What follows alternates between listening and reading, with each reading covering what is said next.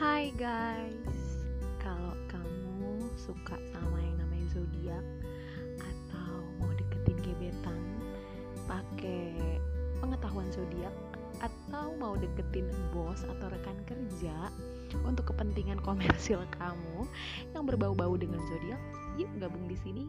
Kita bakal kupas tuntas apa aja sih yang bisa kita gali dari zodiak. Tapi ini nggak ada tentang ramal-ramalan ya. Jadi semuanya berdasarkan pengamatan pribadi aku. Oke guys, sampai ketemu lagi ya di podcast-podcast selanjutnya.